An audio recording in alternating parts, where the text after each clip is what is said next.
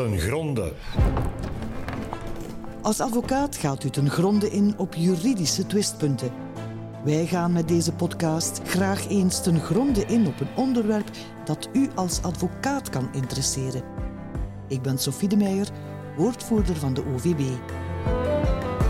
Bemiddeling raakt meer en meer ingeburgerd, zowel in de advocatuur als daarbuiten. Ter gelegenheid van de Mediation Week heb ik voor deze podcast ten gronde drie advocaat-bemiddelaars uitgenodigd. Meester Hafida Taloui, meester Willem Meesen van de Antwerpse Bali en meester Katrien Steenhout, die verbonden is aan de Nederlandstalige orde bij de Bali van Brussel. Alle drie zijn zij erkend bemiddelaar. Met hen wil ik nagaan of er bepaalde evoluties merkbaar zijn in de bemiddeling. Welkom en Meteen is mijn vraag dus inderdaad, zijn er nieuwe tendensen merkbaar in de bemiddeling? Rechtsdomeinen waar het nu bijvoorbeeld vaker dan vroeger wordt toegepast? Er zijn duidelijk nieuwe tendensen in bemiddeling aanwezig.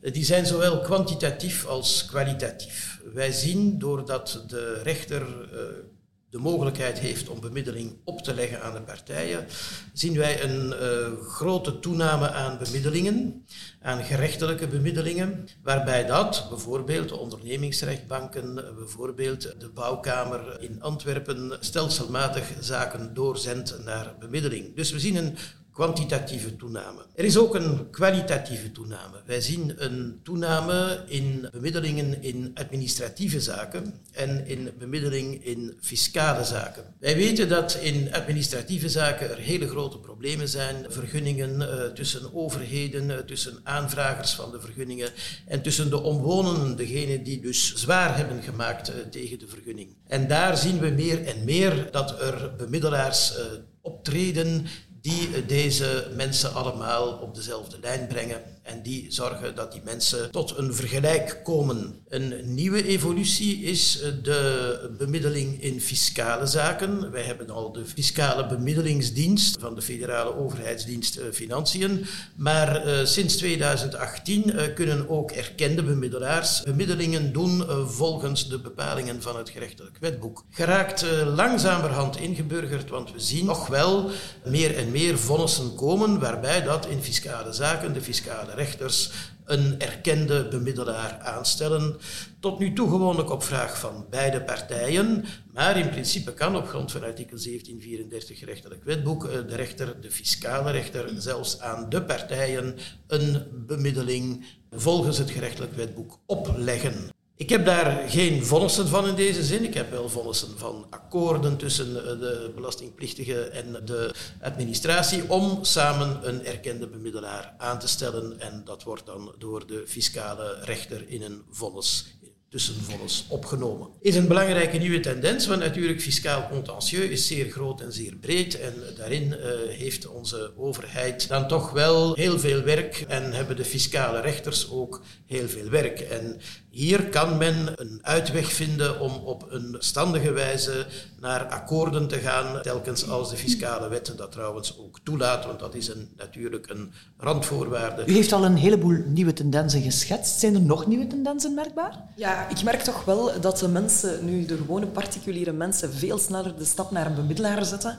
en dat dat heel vaak ook op advies is van hun advocaat. Dus dat mensen eerst een advocaat gaan raadplegen en dat zij eigenlijk via hun advocaat dan doorverwezen worden naar een bemiddelaar. En daar is toch wel de laatste jaren een grotere toename in. Ik zou daar nog graag aan willen toevoegen dat ik er voor eerst zeer over verheugd ben dat dat idee van alternatieve geschillen, hè, dat dat meer en meer doordringt tot de burgers, maar ook tot allerlei instanties. En dan spreek ik over de, de rechters, maar ik spreek ook over bijvoorbeeld stadsdiensten als of de politiedienst. Als we bijvoorbeeld denken aan burenruzies, die vinden ook vaak plaats. En vaak heeft het dan te maken met afwijzing, met niet gehoord worden. En dan is het heel fijn dat die diensten, dan denk ik aan de wijkagent of andere laagdrempelige uh, dienstverleningen van, uh, van bijvoorbeeld een stad, als die dan rechtstreeks naar die burgers kunnen gaan, die dan met elkaar in conflict zitten en die burgers aan tafel kunnen brengen, eerst de emotie laten ventileren en dan kijken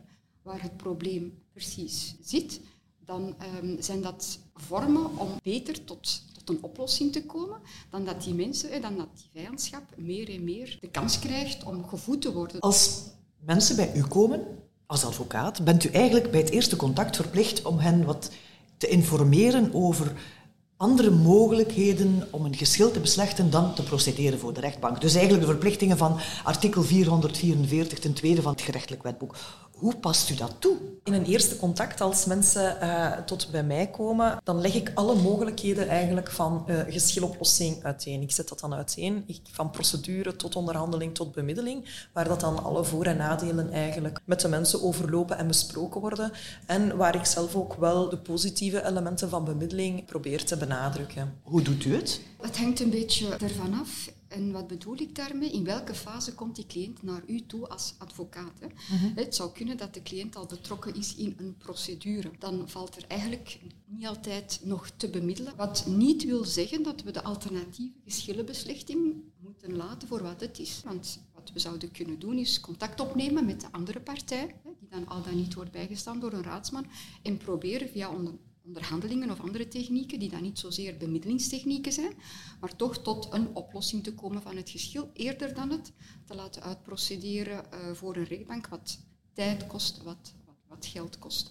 En dan, zoals collega Katrien zo net komt uh, te vertellen, leg ik ook uit dat er inderdaad verschillende vormen zijn om tot een oplossing te komen. En pols ik ook naar de eventuele bereidheid van die andere partij.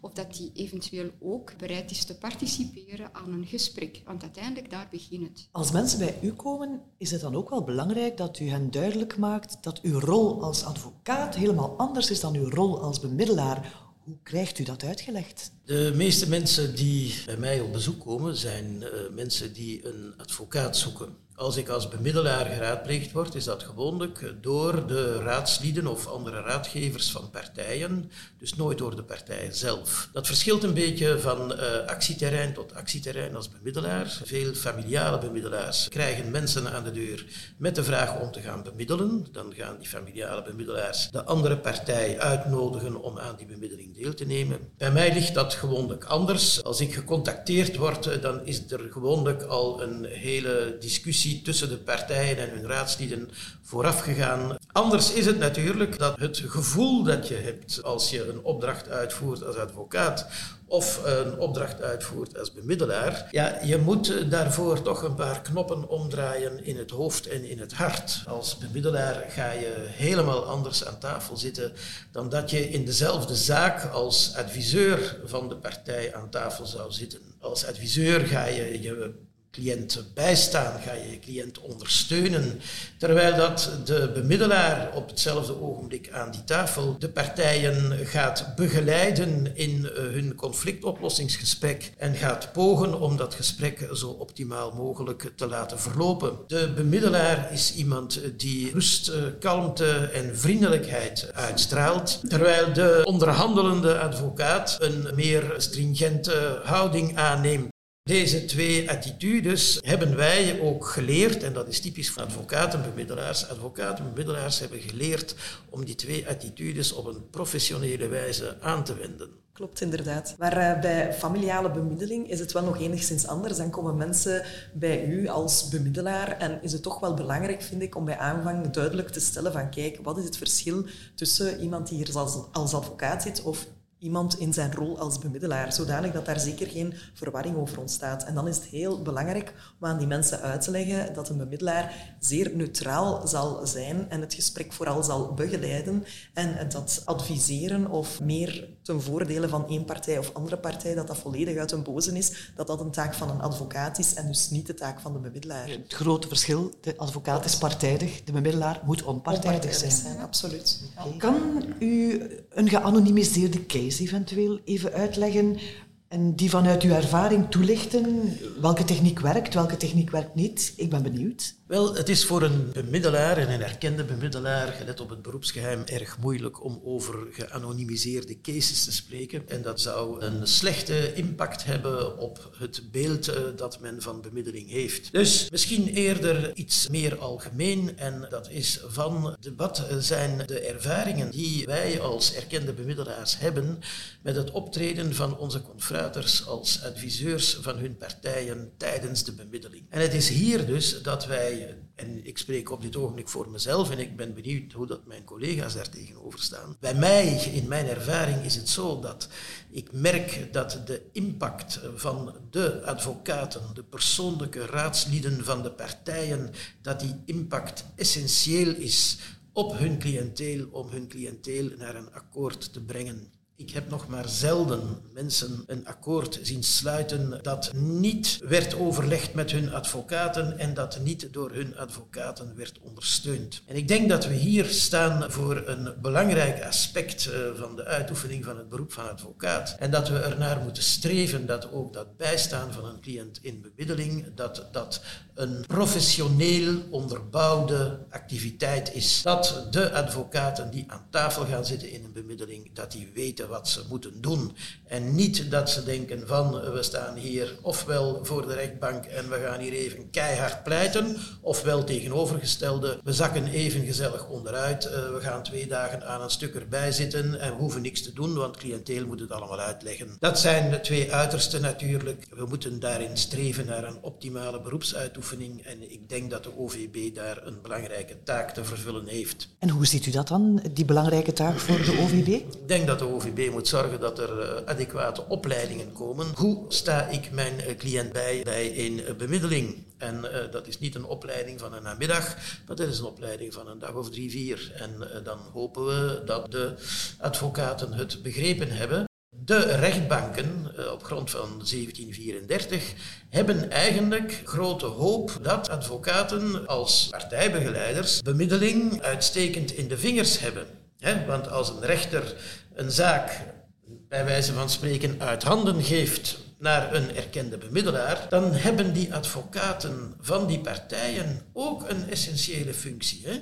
En men moet die essentiële functie toch adequaat en professioneel kunnen invullen.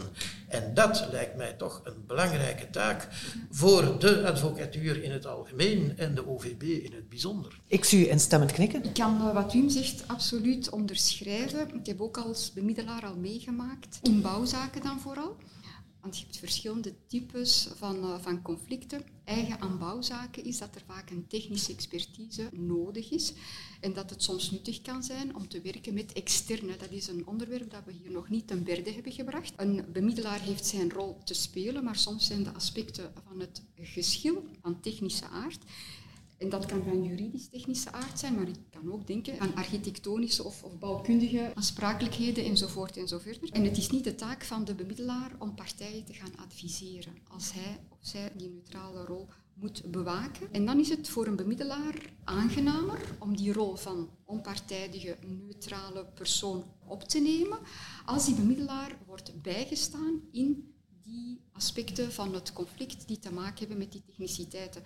En dat kan een raadgevende architect zijn, maar dat kan evengoed in juridisch-technische zaken. En dan denk ik bijvoorbeeld aan verheffing en verdeling. Verheffing en verdeling, zo, daar komt ook wel wat techniciteit bij kijken. Als partijen aanspraken, opzichten ze elkaar moeten uh, formuleren. En dan onderschrijft dat de rol van de advocaten die misschien al aanwezig waren, voorafgaand in de echtscheiding en in de voorlopige maatregelen, om ook wat de verheffing en verdeling betreft, de mogelijkheden om daar tot een te komen via bemiddeling, om die niet uit het oog te verliezen.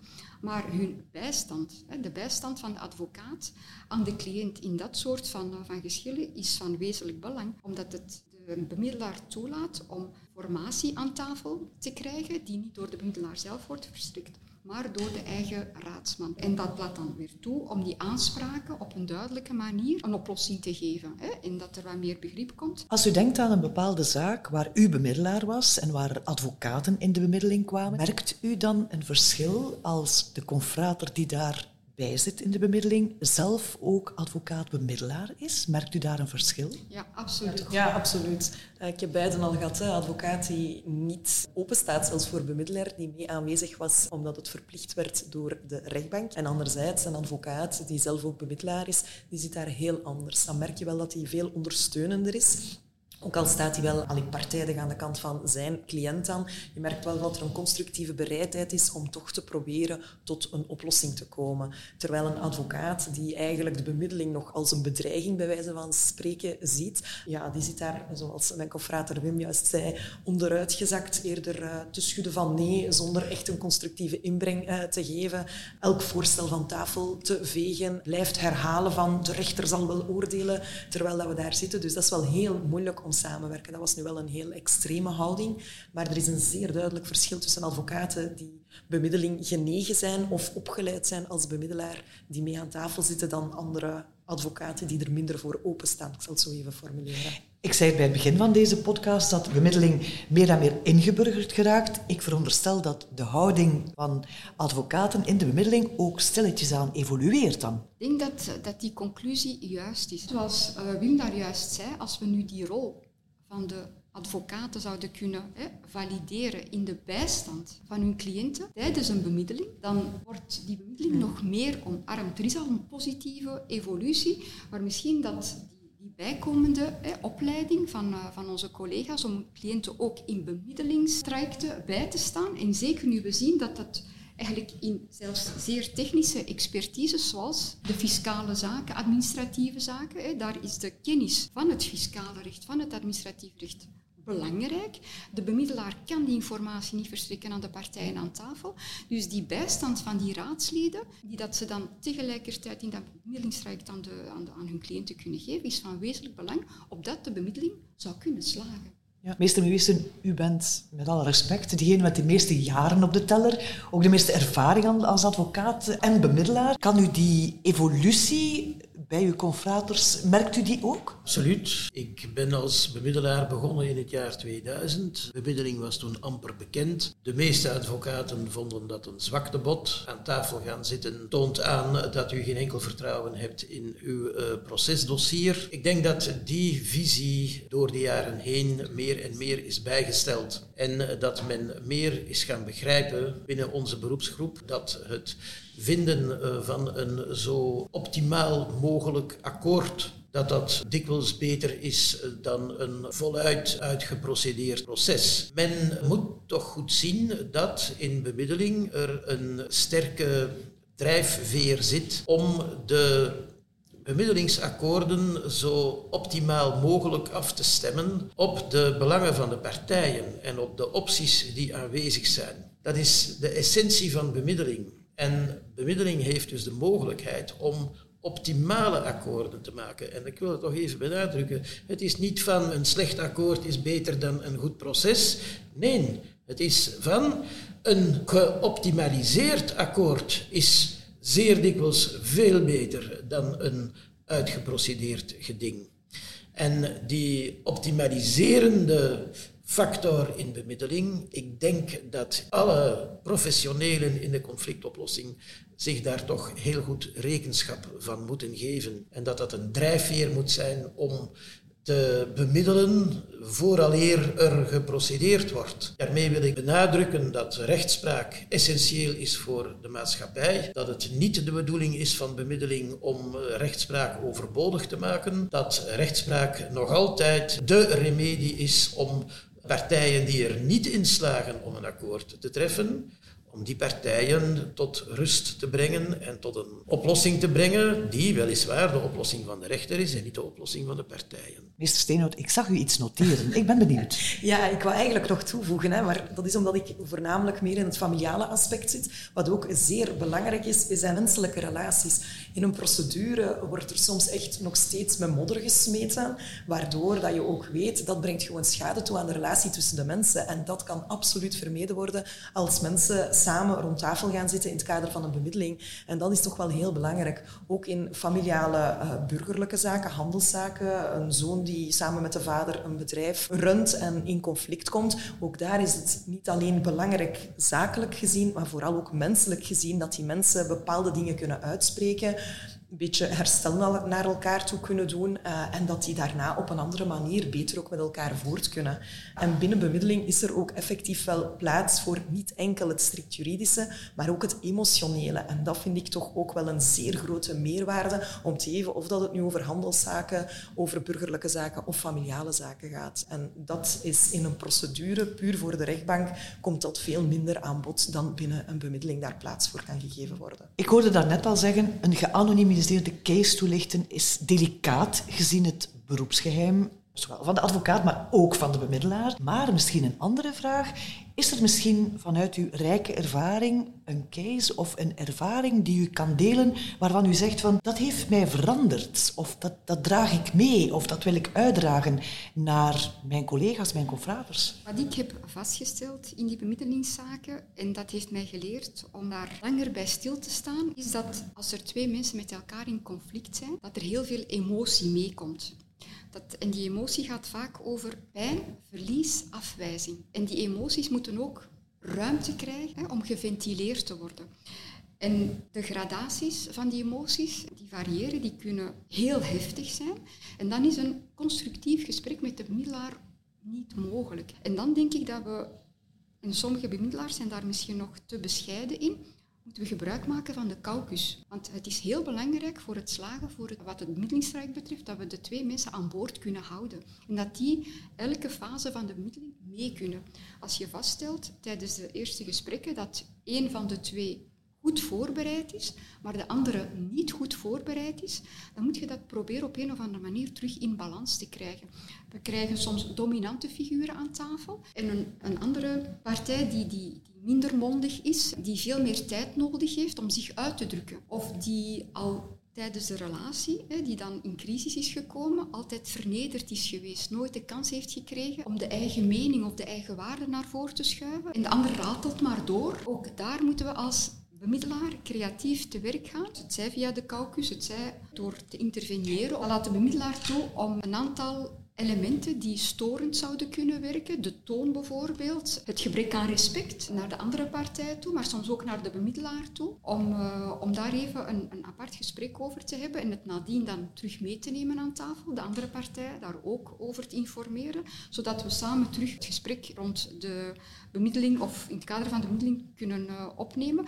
Maar het is echt heel belangrijk dat de bemiddelaar de twee partijen aan tafel bij wijze van spreken kan besnuffelen wat de emotie betreft. Want het is nodig dat we die emoties een plaats kunnen geven, kunnen laten beheersen door de partijen aan tafel, want anders kunnen we niet samen tot een, uh, een actieplan komen om de punten in het geschil op te lossen. Zijn er nog reflecties die u wil maken? Ja, eigenlijk meer terug op uw vraag van hè, ervaring persoonlijk als bemiddelaar, wat mij dan zou veranderd hebben. Uh, zeker in het begin had ik altijd de drijfveer om echt tot een integraal akkoord te komen. Maar dan in een bepaald uh, dossier was er één partij die elk bemiddelingsgesprek bijna van idee veranderde, waardoor dat dan zeer moeizaam was om tot iets constructief of iets definitief te komen. Maar uiteindelijk uh, is er dan een deelakkoord wel gekomen en heb ik als bemiddelaar zelf beseft van kijk, soms is het streefdoel niet, of, of is het niet enkel een integraal akkoord dat u voldoening dient te geven, maar is het ook de weg naar een akkoord, of dat dat akkoord dan al dan niet bereikt wordt, ook al waardevol. Want die mensen, het was opnieuw in een familiale context, die hebben wel tijdens die bemiddelingsgesprekken heel waardevolle dingen ten aanzien van elkaar uitgesproken en zijn met die aspecten wel verder doorgegaan, ook al hebben we dan geen integraal akkoord kunnen bekomen. En dat heeft mij als bemiddelaar wel geleerd om ook gewoon in het moment zelf te kijken van wat we nu aan het doen zijn, is op zich al zeer waardevol.